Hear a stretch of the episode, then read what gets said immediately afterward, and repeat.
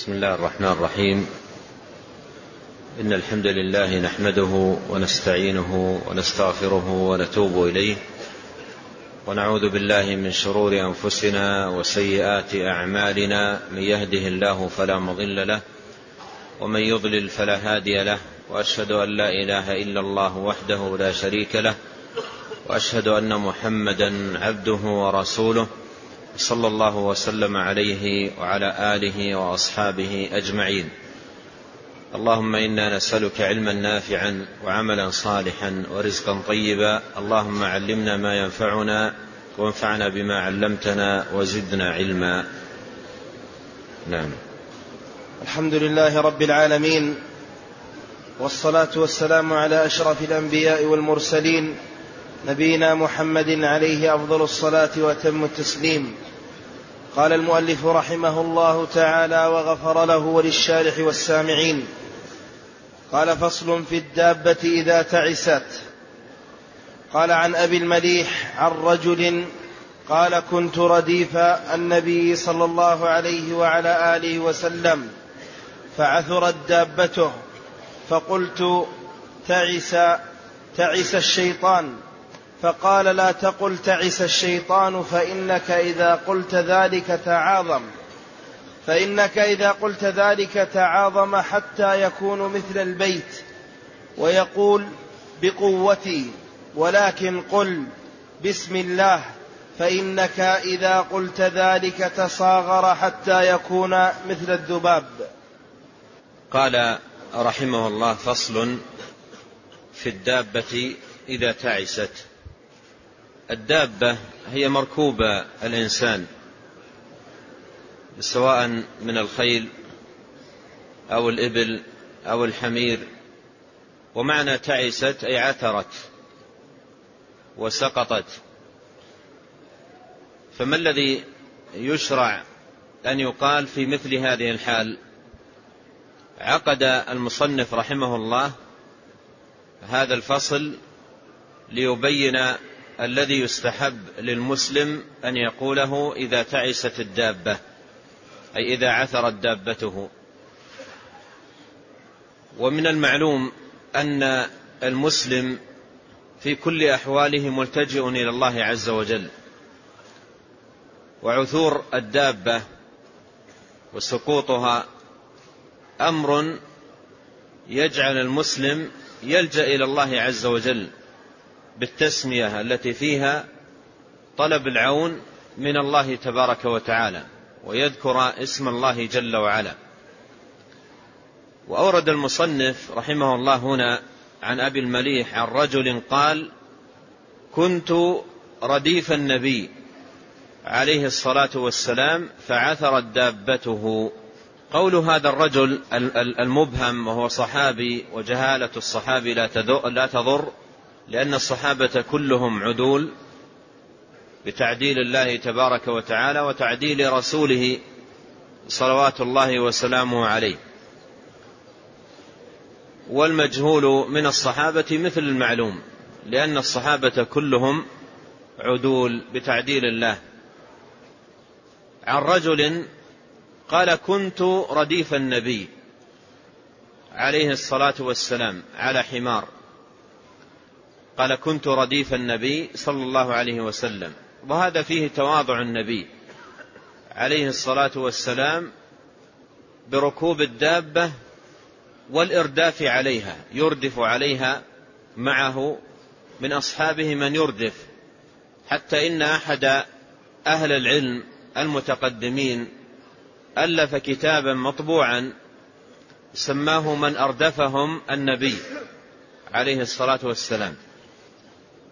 وجمع عددا من الأحاديث فيها إرداف النبي عليه الصلاة والسلام لبعض الصحابة معه على الدابة. وهذا فيه كما قدمت تواضع النبي صلى الله عليه وسلم. قال هذا الرجل فعثرت الدابة. عثرت دابته أي دابة النبي عليه الصلاة والسلام والرجل رديف له عليها. عثرت أي سقطت مالت بهم. فقلت تأس الشيطان. تعس الشيطان. أي خاب وخسر. بمعنى تعس أي خاب وخسر. وتعس الشيطان أو الدعاء عليه بهذا الأمر أو الإخبار عنه بهذا الأمر جاء بمناسبة تعس الدابة وهو سقوطها وعثورها. فبهذه المناسبة قال هذا الرجل تعس الشيطان. فقال النبي عليه الصلاة والسلام لا تقل تعس الشيطان. لا تقل تعس الشيطان. فإنك إذا قلت ذلك تعاظم حتى يكون مثل البيت ويقول بقوتي. قولك لهذه الكلمة تائس الشيطان بهذه المناسبة.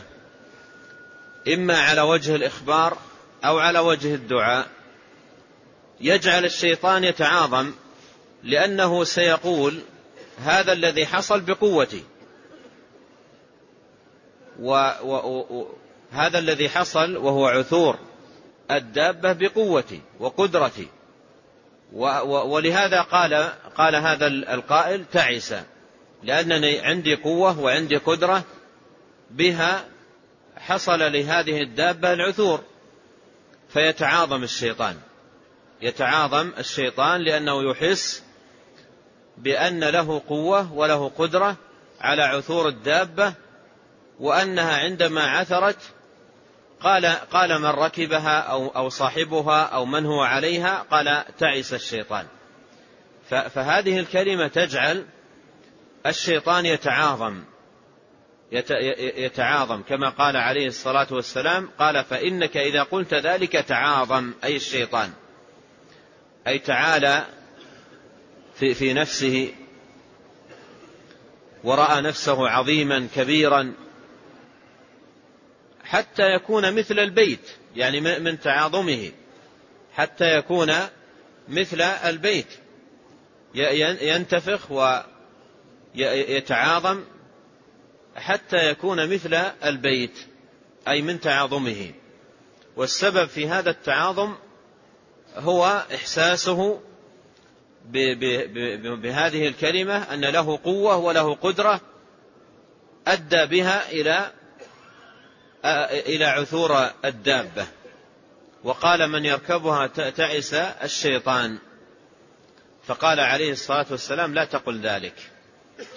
وكان من هديه عليه الصلاة والسلام إذا نهى عن فعل سيء أو قول سيء فإنه يرشد إلى البديل الطيب. فإنه يرشد إلى البديل الطيب. وهذا منهج نبوي مبارك كان عليه صلوات الله والسلام عليه. ينهى عن الأمر السيء ثم يضع البديل المناسب. كقوله تعالى لا تقولوا راعنا وقولوا انظرنا. فهنا قال لا تقل تعس الشيطان فإنك إذا قلت ذلك تعاظم حتى تكون حتى يكون مثل البيت ويقول بقوتي. يقول أي الشيطان بقوتي أي هذا الذي حصل للدابة بقوتي وقدرتي. ولكن قل بسم الله. ولكن قل بسم الله أي عليك بالتسمية. إذا عثرت الدابة يسمي الإنسان يقول بسم الله.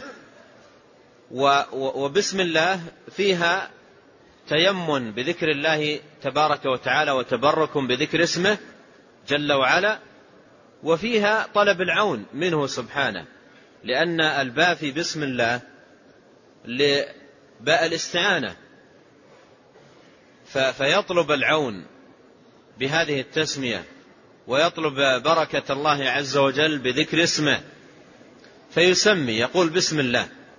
ولك أن تقول هذا آه، في سيارتك عندما يحصل لك أمر في السيارة مثل مثل انفجار الإطار مثلا إطار السيارة أو اختلال شيء فيها أو انكسار شيء فيها فتقول بسم الله رأسا تسمي. وتسميتك هنا هي ذكر لاسم الله عز وجل تبركا بذكر اسمه وطلبا للبركة بذكر اسمه وفي الوقت نفسه هي طلب عون. طلب عون من الله عز وجل وتيسير وحفظ ووقاية. واسم الله عز وجل لا يذكر على عسير إلا تيسر. ولا, ولا على شدة إلا تفرجت. ولا على هم إلا زال. فذكر الله عز وجل هو الفرج بعد الشدة واليسر بعد العسر. فالذي فالذي يناسب والذي ينبغي على المسلم في مثل هذا المقام أن يسمي وتكون التسمية على لسانه. بعض الناس يأتي على لسانه أشياء أخرى. أشياء أخرى. يعني بعضهم إذا إذا إذا حصل في في في في دابة أو سيارة خلل عطبت أو مثلا انفجر الإطار أو رأسا يشتم الدابة. على لسانه اللعن والعياذ بالله يلعن سيارته. أو, أو, أشياء من هذا القبيل يتحرك لسانه بأشياء من هذا القبيل. وهذا خطأ وغلط وليس من شأن المسلم. بل إن النبي عليه الصلاة والسلام وصف المؤمن عموما بقوله ليس المؤمن بالطعان ولا اللعان ولا الفاحش ولا البذيء فهذه أمور ليست من صفات المؤمن. بل الذي على لسان المؤمن ذكر الله. ذكر الله تبارك وتعالى. وهذا أمر يحتاج الإنسان أن يعود نفسه عليه وأن يدرب نفسه عليه وأن يروض نفسه عليه بحيث أن يكون على لسانه ذكر الله في كل حال لتتيسر أموره وتتفرج همومه وغمومه وتزول ضائقاته وتذهب عنه شدته لأن ذكر الله عز وجل هو اليسر وهو الخير وهو البركة وهو السلامة وهو العافية. ولهذا قال نبينا عليه الصلاة والسلام ولكن قل بسم الله. ولكن قل بسم الله. فإنك إذا قلت ذلك تصار تصاغر حتى يكون مثل الذباب. تصاغر أي الشيطان عدو الله. لأن ذكر الله عز وجل يؤذيه ويطرده من المكان ويبعده عن الإنسان. وقد مر معنا في الحديث أن الرجل إذا دخل بي بيته فقال بسم الله وإذا تناول طعامه قال بسم الله. قال الشيطان لإخوانه ورفقائه لا لا مبيت ولا ولا عشاء. لا مبيت ولا عشاء. لأن ذكر الله عز وجل والتسمية تطرد الشيطان من المكان. وإذا قال بسم الله عند دخوله للخلاء كانت حجابا له من الشيطان. وإذا قال بسم الله عند إتيان أهله حفظ وحفظت ذريته من الشيطان. وهكذا. فذكر الله والتسمية تطرد الشيطان وتبعده عن عن الإنسان. ولهذا قال هنا فإنك إذا قلت ذلك تصاغر أي الشيطان حتى يكون مثل الذباب. والذباب هو أحقر الحيوان وأصغره وأتفهه.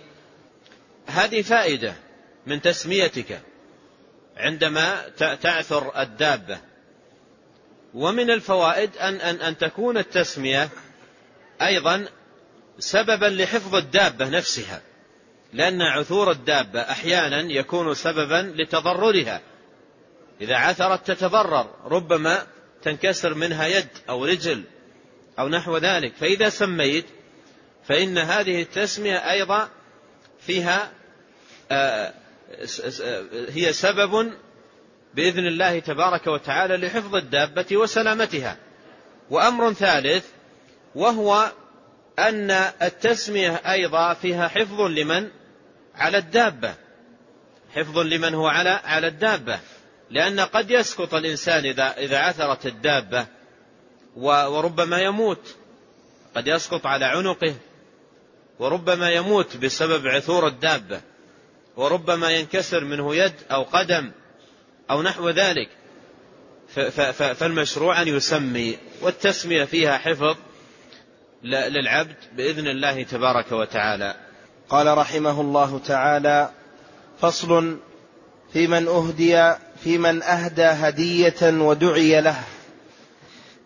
قال عن عائشة رضي الله عنها قالت أهديت لرسول الله صلى الله عليه وعلى آله وسلم شاة قال قال اقسميها. فكانت عائشة إذا رجع إذا رجعت الخادم تقول ما قالوا؟ تقول الخادم قالوا بارك الله فيكم. فتقول عائشة وفيهم بارك الله.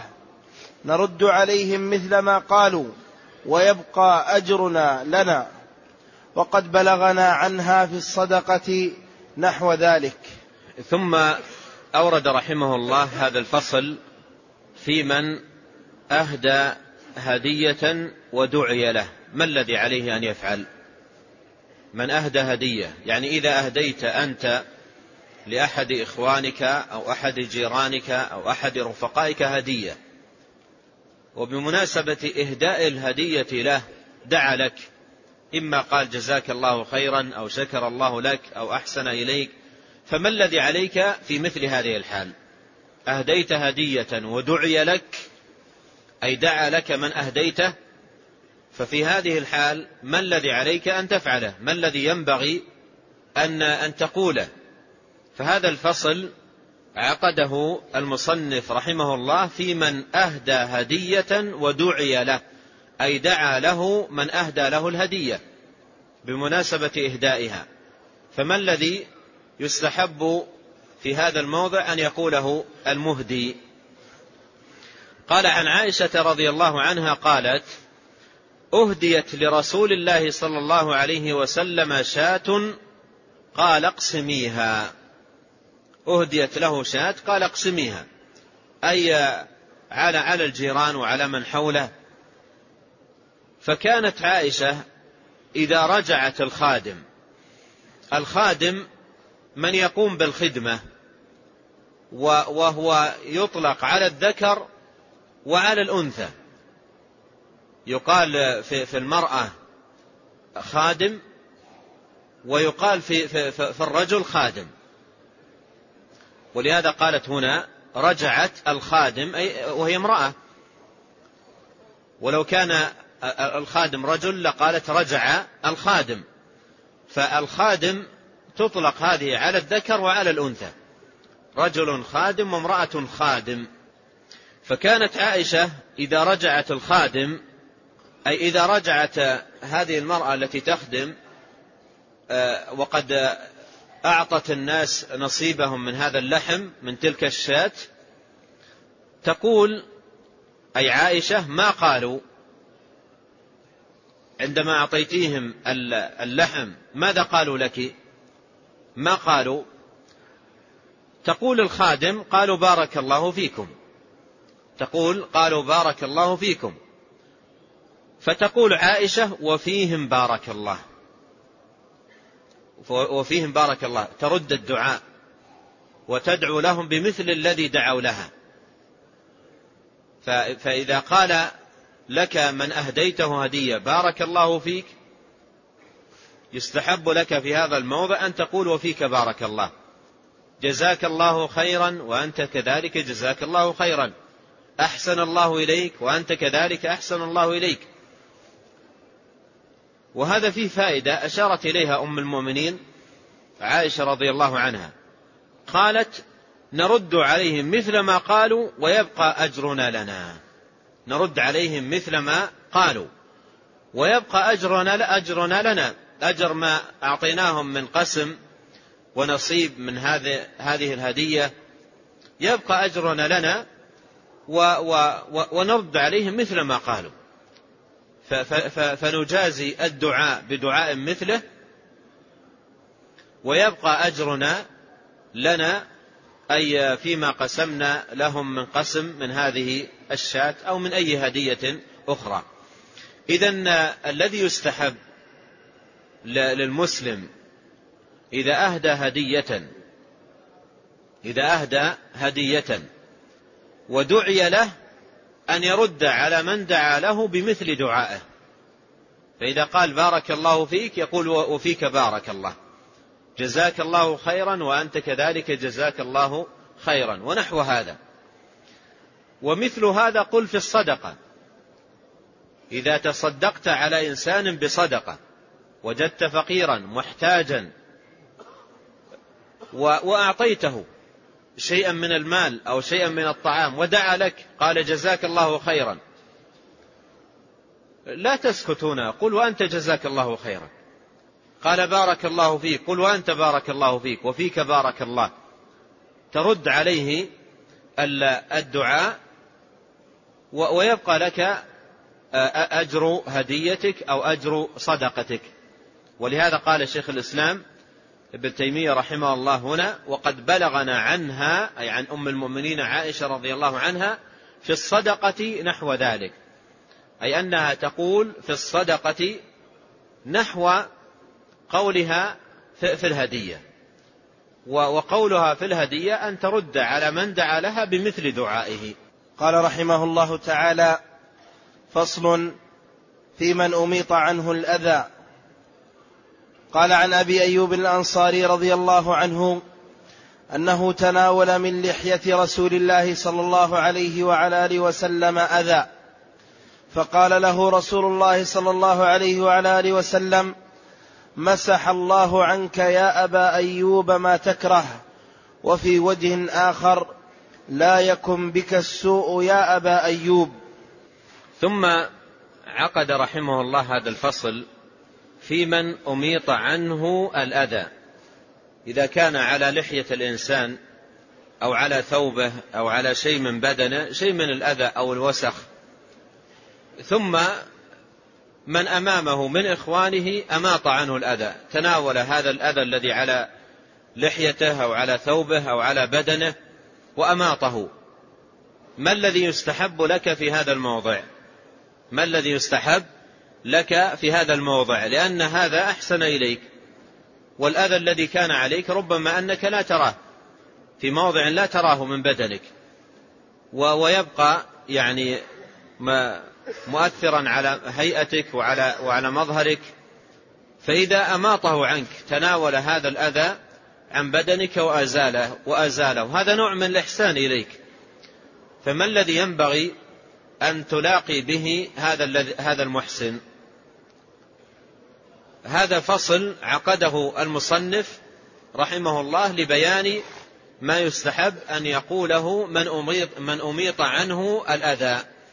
قال عن أبي أيوب الأنصاري رضي الله عنه أنه تناول من لحية رسول الله صلى الله عليه وسلم أذى فقال له رسول الله صلى الله عليه وسلم مسح الله عنك يا أبا أيوب ما تكره. وفي وجه آخر لا يكن بك السوء يا أبا أيوب. وهذا فيه مشروع مشروعية الدعوة.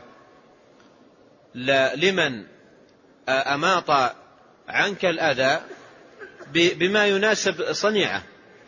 أماط عنك أماط الله عنك الأذى أزال الله عنك الأذى مسح الله عنك ما تكره. أذهب الله عنك ما تكره.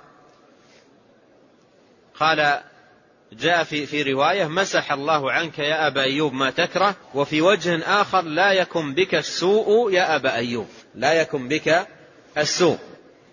ففي هذا الدعاء له بشيء يناسب الفعل الذي فعله.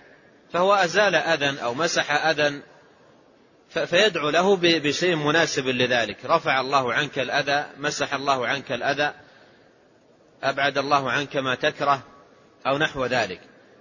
وهذا الحديث آه، إسناده ضعيف كما نبه على ذلك آه، آه، محقق الكتاب. ولعله يغني عن هذا حديث ثابت عن النبي عليه الصلاة والسلام. قال فيه من صنع إليه معروفا فقال لمن صنع إليه معروفا جزاك الله خيرا فقد أبلغ في الثناء. فقد أبلغ في الثناء. فلو قال أيضا في هذه المناسبة جزاك الله خيرا لأنه صنع إليه هذا المعروف وهو إماطة الأذى عن عن وجهه فهذا أيضا دعوة عظيمة بل فيها إبلاغ في الثناء كما قال عليه الصلاة والسلام فقد أبلغ في, في الثناء. وإن دعا بدعوة تناسب الأمر قال مسح الله عنك الأذى أو لا يكن منك لا, لا يكن بك سوء أو نحو هذه المعاني فهي دعوات في معناها صالحة. دعوات في معناها صالحة نعم. قال وعن عمر رضي الله عنه أنه أخذ من لحيته رجل أنه أخذ من لح من لحية رجل. أيه. أنه أخذ من لحية رجل أو رأسه شيئا. فقال الرجل صرف الله عنك السوء. فقال عمر رضي الله عنه صرف الله عنا السوء منذ أسلمنا. ولكن إذا أخذ عنك شيء فقل أخذت يداك خيرا. ثم أورد رحمه الله هذا الأثر عن عمر وقال المحقق رحمه الله حديث موقوف جيد الإسناد. لولا أن رواية عبد الله بن بكر الباهلي لم يدرك عمر بن الخطاب فهو مرسل. قال وعن عمر رضي الله عنه أنه أخذ من لحية رجل أو رأسه شيئا أي شيئا من الأذى. الآن عمر رضي الله عنه هو الآخذ أخذ من لحية رجل أو من رأسه شيئا من الأذى. فقال ذلك الرجل صرف الله عنك السوء. صرف الله عنك السوء. دعا له بهذه الدعوة. صرف الله عنك السوء. فقال عمر رضي الله عنه صرف الله عنا السوء منذ أسلمنا. وهذا فيه ثمرة الإسلام. وأن من أكرمه الله تبارك وتعالى بالإسلام وهداه إليه وللتمسك به فهذا صرف للإنسان عن السوء بإذن الله تبارك وتعالى بإسلامه وإيمانه بالله عز وجل وحسن التجائه إلى الله. وهذا فيه أن الإسلام وقاية للإنسان من الشرور والأخطار في في دينه ودنياه لأنه محفوظ بحفظ الله تبارك وتعالى. قال صرف الله عنا السوء منذ أسلمنا. ولكن إذا أخذ عنك شيء فقل أخذت يداك خيرا. فقل أخذت يداك خيرا. أي لا زالت يداك تأخذ خيرا. وهذه دعوة يعني خبر في في في معنى الدعاء. لا لا زالت يداك تأخذ خيرا أخذت يداك خيرا أي لا تزال يدك على هذه الحال تأخذ خيرا وتحصل خيرا وتكسب خيرا. فعلى كل حال من أميط عنه الأذى فالمستحب في حقه أن يدعو بدعوة صالحة طيبة لمن أخذ عنه الأذى. وإذا قال جزاك الله خيرا فقد أبلغ في الثناء كما أخبر بذلك رسولنا صلوات الله وسلامه عليه. قال رحمه الله تعالى فصل في رؤية باكورة الثمر. قال قال أبو هريرة رضي الله عنه كان الناس إذا رأوا أول الثمر جاءوا به إلى رسول الله صلى الله عليه وعلى آله وسلم فإذا أخذه رسول الله صلى الله عليه وعلى آله وسلم قال اللهم بارك لنا في ثمرنا وبارك لنا في مدينتنا وبارك لنا في صاعنا وبارك لنا في مدنا ثم يعطيه أص... ثم يعطيه أصغر من يحضر من الولدان خرجه مسلم. ثم قال رحمه الله فصل في رؤية باكورة الثمر. باكورة الثمر هو ما يأتي من الثمر أولا. ويبكر يعني يأتي قبل غيره من الثمر فيكون أول الثمر وبدايته فإذا رأيت باكورة الثمر إما ثمر النخل وهو البسر أو ثمر شجر العنب أو ثمر الفاكهة إذا رأيت باكورة أوله عند أول جنيه فإذا رأيت الثمر في باكورته. ما الذي يستحب لك أن تدعو به في, في هذه المناسبة؟ أورد المصنف هنا حديث أبي هريرة رضي الله عنه قال كان الناس إذا رأوا أول الثمر جاءوا به إلى رسول الله صلى الله عليه وسلم. إذا رأوا أول الثمر جاءوا به إلى رسول الله صلى الله عليه وسلم. وهذا أمر معروف عند الناس. عندما يأتي أول الثمر يحصل ماذا؟ يحصل بينهم تباشر. يتباشرون بأول الثمر. ولهذا يأتون به إلى المجالس ويريه بعضهم بعضا ويفرحون برؤيته. فإذا جاء أول الثمر يتباشرون بذلك. يتباشرون بذلك. فكانوا يأتون بهذه البشارة. بشارة أول الثمر وبدايته إلى النبي عليه الصلاة والسلام. فإذا أخذه رسول الله صلى الله عليه وسلم قال اللهم بارك لنا في ثمرنا وبارك لنا في مدينتنا وبارك لنا في صاعنا وبارك لنا في مدنا. وإذا فالذي يشرع للمسلم في في عند رؤيته باكورة الثمر أن يدعو بالبركة. هذا الذي يشرع المسلم. إذا رأى باكورة الثمر أن يدعو بالبركة. بهذه الدعوة المباركة يقول اللهم بارك لنا في ثمرنا. اللهم بارك لنا في ثمرنا. يسأل الله عز وجل أن يبارك في الثمر.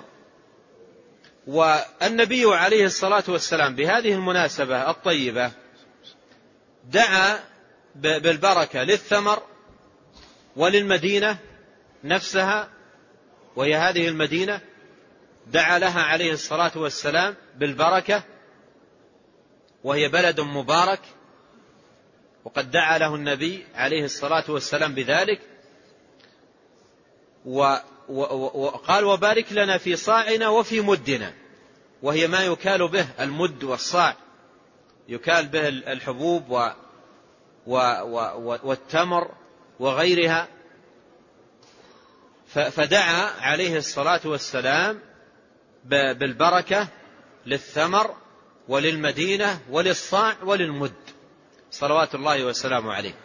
وعلى كل حال الشاهد من ذلك هو أن الإنسان إذا رأى باكورة الثمر أن يدعو بالبركة. وليس وليست هذه الدعوة مختصة فيما إذا كان الثمر لك أو من مزرعتك. بل إذا رأيت باكورة الثمر أيا كان من مزرعتك أو مزرعة جارك أو أي مكان في البلد أو رأيته في السوق جلب إلى السوق تدعو بالبركة. تقول اللهم بارك لنا في ثمرنا. وقوله لنا هذا فيه دعوة لعموم المسلمين. يعني لا تخص نفسك بالدعوة. لا, لا تخص نفسك بالدعوة. فلا تقول اللهم بارك لي في ثمري أو بارك لي في, في, في, في مدي أو في صاعي وإنما تدعو بدعوة لك وللمسلمين بهذه المناسبة. اللهم بارك لنا في ثمرنا اللهم بارك لنا في مدينتنا اللهم بارك لنا في مدنا اللهم بارك لنا في صاعنا. والبركة هذه الكلمة تعني أمرين. تعني وجود النعمة وثبات النعمة. تعني الزيادة والثبات. تعني ثبات الموجود وزيادته. هذا هذا ما تعنيه البركة. أن تبقى النعمة محفوظة وفي ازدياد.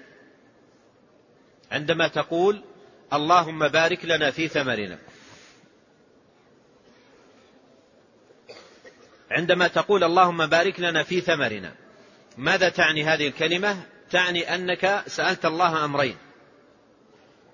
الأول أن يحفظ لك هذا الذي وجد والثاني أن يزداد والثاني أن يزداد. فالبركة تعني ثبات الموجود وبقاءه وزيادته. فقولك اللهم بارك لنا في ثمرنا فيها سؤال لله أن يحفظ لك هذا الثمر وأن يبارك وأن يزيده وأن تكون وأن يكون حظك منه الازدياد لا التلف أو الخسران أو الآفات أو نحو ذلك بل يبقى محفوظا وفي وفي ازدياد. قال ثم يعطيه أصغر من يحضر من الولدان. وهذا فيه لطف النبي عليه الصلاة والسلام وفيه التفات قلبه عليه الصلاة والسلام إلى الصغار وصغير السن يتعلق قلبه بمثل هذا أكبر من تعلق الكبير. الكبير قد لا يتعلق قلبه لكن الصغير نفسه تتعلق بهذا. وتصبح متعلقة. وربما إن لم يعطى طلب. ربما إن لم يعطى طلب. وربما إن لم يعطى انتهب. أخذها خطفها من يد الكبير. لأن قلبه صغير هو ولا يحسن ونفسه تتعلق بالشيء. فإن أعطي وإلا ربما طلب. وربما أيضا انتهب. ربما مد يده بسرعة وأخذها. لأن نفسه متعلقة به وهو صغير ولا يحسن التعامل وما زال جاهلا. فكان عليه الصلاة والسلام يكسب قلوب الصغار ويحن عليهم وينظر أيضا إلى تعلق قلوبهم بهذا الأمر. وهذا من رأفته ورحمته عليه الصلاة والسلام. وكان بالمؤمنين رؤوف رحيم. صلوات الله وسلم. لقد جاءكم رسول من أنفسكم عزيز عليه ما عنتم حريص عليكم بالمؤمنين رؤوف رحيم. صلوات الله وسلامه عليه. فكان يعطي يعطيه أصغر من يحضر من الولدان. يعني ينتقي من الولدان أصغرهم سنا ويعطيه إياه. قال رحمه الله تعالى فصل في الشيء يعجبه ويخاف عليه العين. قال الله تعالى ولولا إذ دخلت جنتك قلت ما شاء الله لا قوة إلا بالله. قال رحمه الله فصل في الشيء يعجبه ويخاف عليه العين. في الشيء يعجبه ويخاف عليه العين.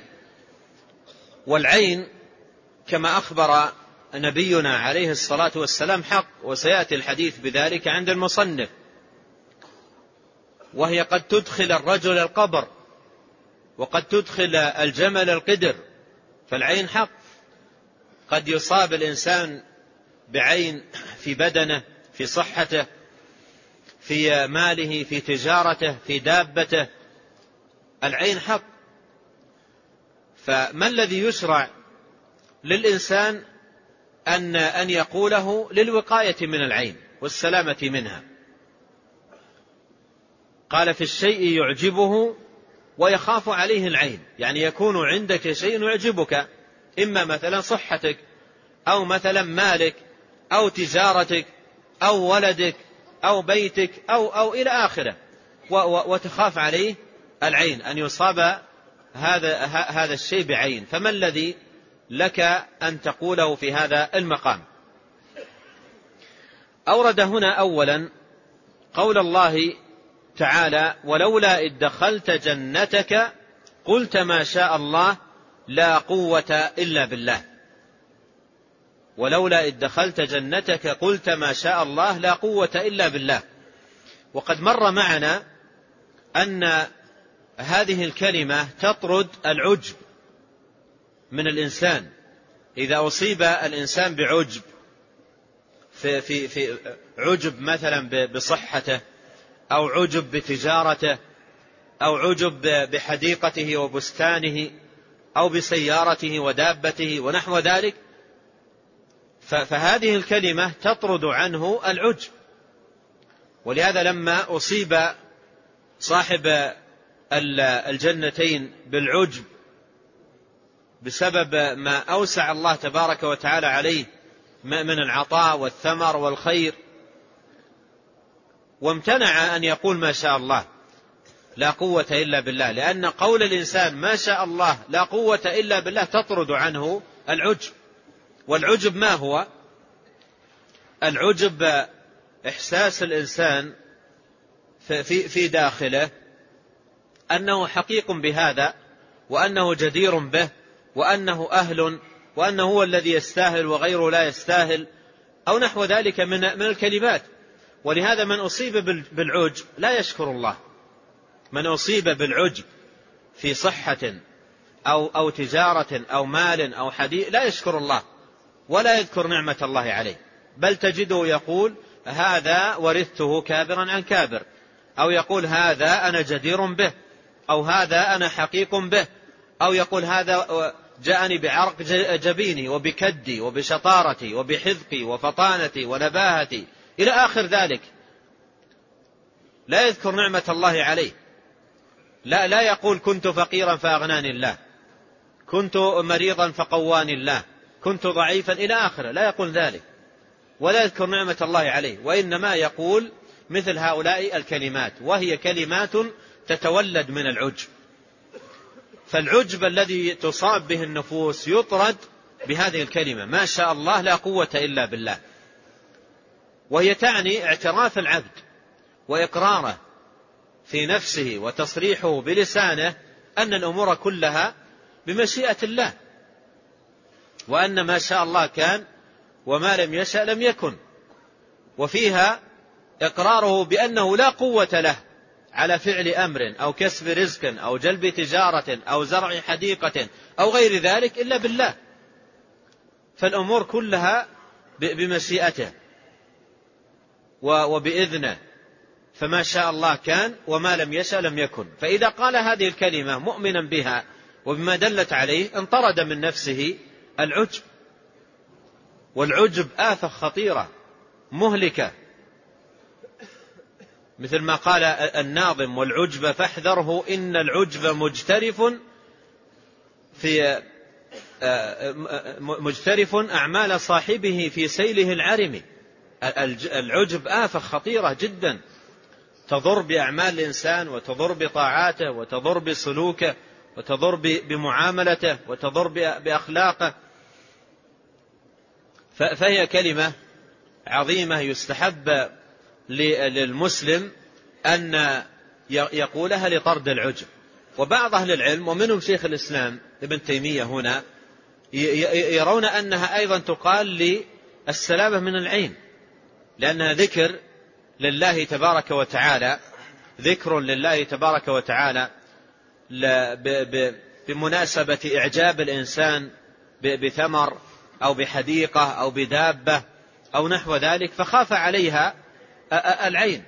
فكما أنه يقول ما شاء الله خوفا على نفسه من العجب يقول ما شاء الله لا قوة إلا بالله حفظا لها من من العين بذكر الله تبارك وتعالى. ولهذا أورد المصنف رحمه الله هذه الآية هنا قال في الشيء يعجبه ويخاف عليه العين. قال قال الله تعالى ولولا إذ دخلت جنتك قلت ما شاء الله لا قوة إلا بالله. وهذا ليس مختصا بالجنة. إذا دخلت بيتك وإذا ركبت سيارتك أو أي أي أي شيء وخفت على نفسك من من العجب بذلك تقول ما شاء الله لا قوة إلا بالله. وكذلك مثل ما ذكر بعض أهل العلم تقال آه، للوقاية من العين. وإن كان الأولى في, في هذا الباب الدعاء بالبركة. الدعاء بالبركة كما سيأتي. نعم. قال وقال النبي قال وقال النبي صلى الله عليه وعلى آله وسلم العين حق ولو كان شيء سابق القدر لسبقته العين. حديث صحيح. ثم قال وقال النبي عليه الصلاة والسلام العين حق. وهذا فيه إخبار منه عليه الصلاة والسلام بأن العين حق يعني تقع وتوجد ويصاب الإنسان بها وقد تؤثر مثل ما تقدم تؤثر على الإنسان في صحته في حياته في تجارته في ماله في ولده. العين حق. وبين النبي عليه الصلاة والسلام أن أنها إضافة إلى كونها حق أنها أيضا قد تأتي سريعا وقد يكون ضررها على الإنسان سريعا. قال ولو كان شيء سابق القدر لسبقته العين فالعين سريعة وهي بقدر. العين بقدر. كل شيء بقدر. كما قال نبينا عليه الصلاة والسلام كل شيء بقدر حتى العجز والكيس. فالعين حق وتصيب الإنسان قد تصيب في بدنه أو في بيته أو تجارته فهي حق كما أخبر النبي عليه الصلاة والسلام. وإذا كان الأمر كذلك وعلم المسلم بذلك فإنه يحصن نفسه من العين بذكر الله والالتجاء إليه والمحافظة على أذكار الصباح والمساء وأدبار الصلوات وأذكار النوم وأذكار الخروج من المنزل والدخول فيه ونحو ذلك. فإن هذه الأذكار التي مر معنا كثير منها في هذا الكتاب المبارك كلها أسباب للوقاية من العين والوقاية من الشرور. وقد مر معنا في بعضها لم يضره شيء لم يصيبه شيء لم يقربه شيطان. مرت معنا هذه الجملة كثيرا. ف ف فهي تشمل العين وغيرها وكل الشرور. كان النبي عليه الصلاة والسلام أرشد أبا بكر أن يقول في الصباح وفي المساء وعند النوم اللهم فاطر السماوات والأرض عالم الغيب والشهادة رب كل شيء ومليكه أشهد أن لا إله إلا أنت. أعوذ بك من شر الشيطان من شر نفسي ومن شر الشيطان وشركه. في الحديث الآخر أعوذ بك من شر كل دابة. أنت أخذ, أخذ بناصيتها عند النوم كان يقوله عليه الصلاة والسلام. فهذه التعوذات والأذكار التي تقال عند في الصباح وفي المساء وعند النوم وأدبار الصلوات وعند الخروج وعند الدخول وعند ركوب الدابة إلى غيرها هذه كلها فيها حفظ للعبد حفظ للعبد من الشرور كلها والآفات جميعها ومن ذلك العين.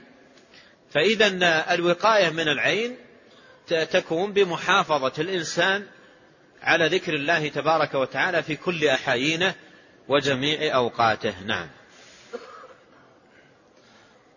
قال ويذكر عن النبي صلى الله عليه وعلى آله وسلم قال إذا رأى أحدكم ما يعجبه في نفسه أو ماله فليبرك عليه فإن العين حق. ثم أورد رحمه الله هذا الحديث قال ويذكر عن النبي صلى الله عليه وسلم قال إذا رأى أحدكم ما يعجبه في نفسه أو ماله فليبرك عليه فإن العين حق. آه ذكر المحقق أن الحديث صحيح قال حديث صحيح. وقول إذا رأى أحدكم ما يعجبه إذا رأى أحدكم ما يعجبه في نفسه أو ماله يعني سواء في نفسك صحتك أو عافيتك أو بصرك أو يدك أو غير ذلك أو ماله. يعني من بيت أو مركب أو تجارة أو أو حديقة أو غير ذلك فليبرك عليه. فليبرك عليه. فإن العين حق. فليبرك عليه أي فليدعو له بالبركة. فمثلا أعجبته تجارته أو أعجبه بيته أو مثلا أعجبه أعجبته حديقته يبرك يقول اللهم بارك لي فيها أو بارك لي عليها اللهم بارك فيها أو نحو ذلك من الكلمات أسأل الله أن يبارك لي فيها أو نحو ذلك من الدعوات فليبرك عليه فإن العين حق. فليبرك عليه يقول بارك الله عليك. بارك الله عليك. أو اللهم بارك لي علي بارك لي فيه. أو نحو ذلك. يدعو بمثل هذه الدعوات التي فيها سؤال الله البركة للشيء الذي أعجبه. قال فإن العين حق. العين حق يعني قد تؤثر على الإنسان. لكن إذا برك إذا برك أي دعا بالبركة فإنه بإذن الله سبحانه وتعالى يوقى ويحفظ. يوقى ويحفظ. وعرفنا معنى البركة. البركة حفظ الموجود وزيادته. الدعاء بحفظ الموجود وزيادته. تعني الثبات والزيادة. نعم. قال ويذكر عن النبي صلى الله عليه وعلى آله وسلم قال من رأى شيئا فأعجبه فقال ما شاء الله لا قوة إلا بالله. لم يضره العين يعني لا يصيبه العين. ثم أورد رحمه الله هذا الحديث قال ويذكر عن النبي عليه الصلاة والسلام قال من رأى شيئا فأعجبه فقال ما شاء الله لا قوة إلا بالله لم يضره العين يعني لا يصيبه العين. وفي هذا الحديث مثل ما مر في, في الآية ولولا إذ دخلت جنتك قلت ما شاء الله لا قوة إلا بالله. آه، ونبه هنا المحقق الشيخ الألباني رحمه الله إلى ضعف الإسناد جدا أي أن هذا الحديث لم يثبت عن النبي عليه الصلاة والسلام. نعم. قال ويذكر عن النبي صلى الله عليه وعلى آله وسلم أنه كان إذا خاف أن يصيب شيئا بعينه قال أنه كان إذا خاف أن يصيب شيئا بعينيه قال اللهم بارك فيه ولا تضره. ولا تضره. اللهم بارك فيه ولا تضر ولا تضره. نعم. قال ويذكر عن النبي صلى الله عليه وسلم أنه كان إذا خاف أن يصيب شيئا بعينيه إذا خاف أن يصيب شيئا بعينيه قال اللهم بارك فيه ولا تضره. ولا تضره يعني لا, لا تضره العين. لا لا تصيبها العين. وعلى كل حال هو, هو هذا الحديث مثل ما نبه المصنف حديث ضعيف. لكن مر معنا أن الإنسان إذا أعجب بشيء وخاف عليها العين يبرك يبرك. وسواء كان هذا الشيء لك أو لغيرك تدعو له بالبركة. كما أنك لا تريد الضرر لما تمتلكه أنت أو لما يخصك أنت فالمؤمن يحب يحب لأخيه ما يحب لنفسه. فتبرك تدعو بالبركة. إذا أعجبك شيء يعني في فيما يتعلق بإخوانك إما بصحتهم أو تجارتهم أو نحو ذلك تقول بارك الله عليه أو بارك الله له فيه أو نحو ذلك من الدعاء بالبركة. نعم. قال وقال أبو سعيد رضي الله عنه كان رسول الله صلى الله عليه وعلى آله وسلم يتعوذ من الجان وعين الإنسان حتى نزلت المعوذتان. فلما نزلتا أخذهما وترك ما سواهما قال الترمذي حديث حسن. ثم ختم رحمه الله هذا الفصل بهذا الحديث. وفيه التعوذ. التعوذ. والعين أمر يخاف منها الإنسان أن يضره في بدنه أو تجارته. فعموم الدعوات التي فيها التعوذ أيضا هي وقاية للإنسان من العين وحفظ للإنسان من العين. ولأجل هذا أورد المصنف هذا الحديث. مشيرا بذلك إلى أن تعوذات الإنسان مفيدة في الوقاية من العين. مثل تعويذك لولدك الصغير. تعويذك له في الصباح والمساء. هذا بإذن الله يحفظه من الشرور وفي جملتها العين الذي قد تخافها على ولدك. وأيضا عموم ما ورد في السنة من من تعوذات النبي عليه الصلاة والسلام. مثل ما سبق مر معنا تعوذه إذا نزل منزلا. قال لم يضره شيء. وقوله شيء نكرة. في سياق النفي فهي تعم. لم يضره شيء. يشمل العين وغيرها. لم يخصها بشيء معين. فإذا التعوذات نافعة في في هذا الباب. ولأجل هذا ختم المصنف رحمه الله بهذا الحديث مشيرا إلى أهمية التعوذ ومسيس الحاجة إليه للوقاية من العين والوقاية من الشرور كلها. قال كان رسول الله صلى الله عليه وسلم يتعوذ من الجان وعين الإنسان. أي كان يقول في تعوذه اللهم إني أعوذ بك من الجان وعين الإنسان. حتى نزلت المعوذتان فلما نزلتا أخذهما وترك ما سواهما. إذا هنا تأخذ فائدة أن قراءتك للمعوذتين تفيدك عن قولك اللهم إني أعوذ بك من العين وقولك أعوذ بك من الجان أو أعوذ بك من أي أمر تخشاه. فقراءتك للمعوذتين ومحافظتك على قراءة المعوذتين حفظ حفظ لك. والمعوذتان يشرع قراءتهما في, في, في أذكار الصباح والمساء وقد جاء في الحديث الذي مر معنا أمر النبي عليه الصلاة والسلام بقراءتهما ثلاث مرات في الصباح وثلاث مرات في المساء. قال فإنه لا يضرك شيء. وأيضا أدبار الصلوات المكتوبة فالمحافظة على قراءة المعوذتين مع سورة الإخلاص هذا فيه حفظ بإذن الله تبارك وتعالى للعبد من العين. والصغير يعوذ إذا كان لا يميز ولا يحسن وإذا أحسن يعلم ويدرب على قراءة المعوذتين إذا أصبح وإذا أمسى. ونسأل الله جل وعلا بأسمائه الحسنى وصفاته العلى أن يحفظنا وإياكم بحفظه وأن يعيننا وإياكم على طاعته وأن يهدينا جميعا سواء السبيل وأن يجعل ما نتعلمه حجة لنا لا علينا. وأن ينفعنا بما علمنا وأن يزيدنا علما وأن يصلح لنا ديننا الذي وعصمة أمرنا وأن يصلح لنا دنيانا التي فيها معاشنا وأن يصلح لنا آخرتنا التي فيها معادنا. ونسأله تبارك وتعالى بأسمائه الحسنى وصفاته العلى أن يبارك لنا في أعمالنا وأعمارنا وأوقاتنا وذرياتنا وأموالنا وأن يجعلنا أجمعين مباركين أينما كنا.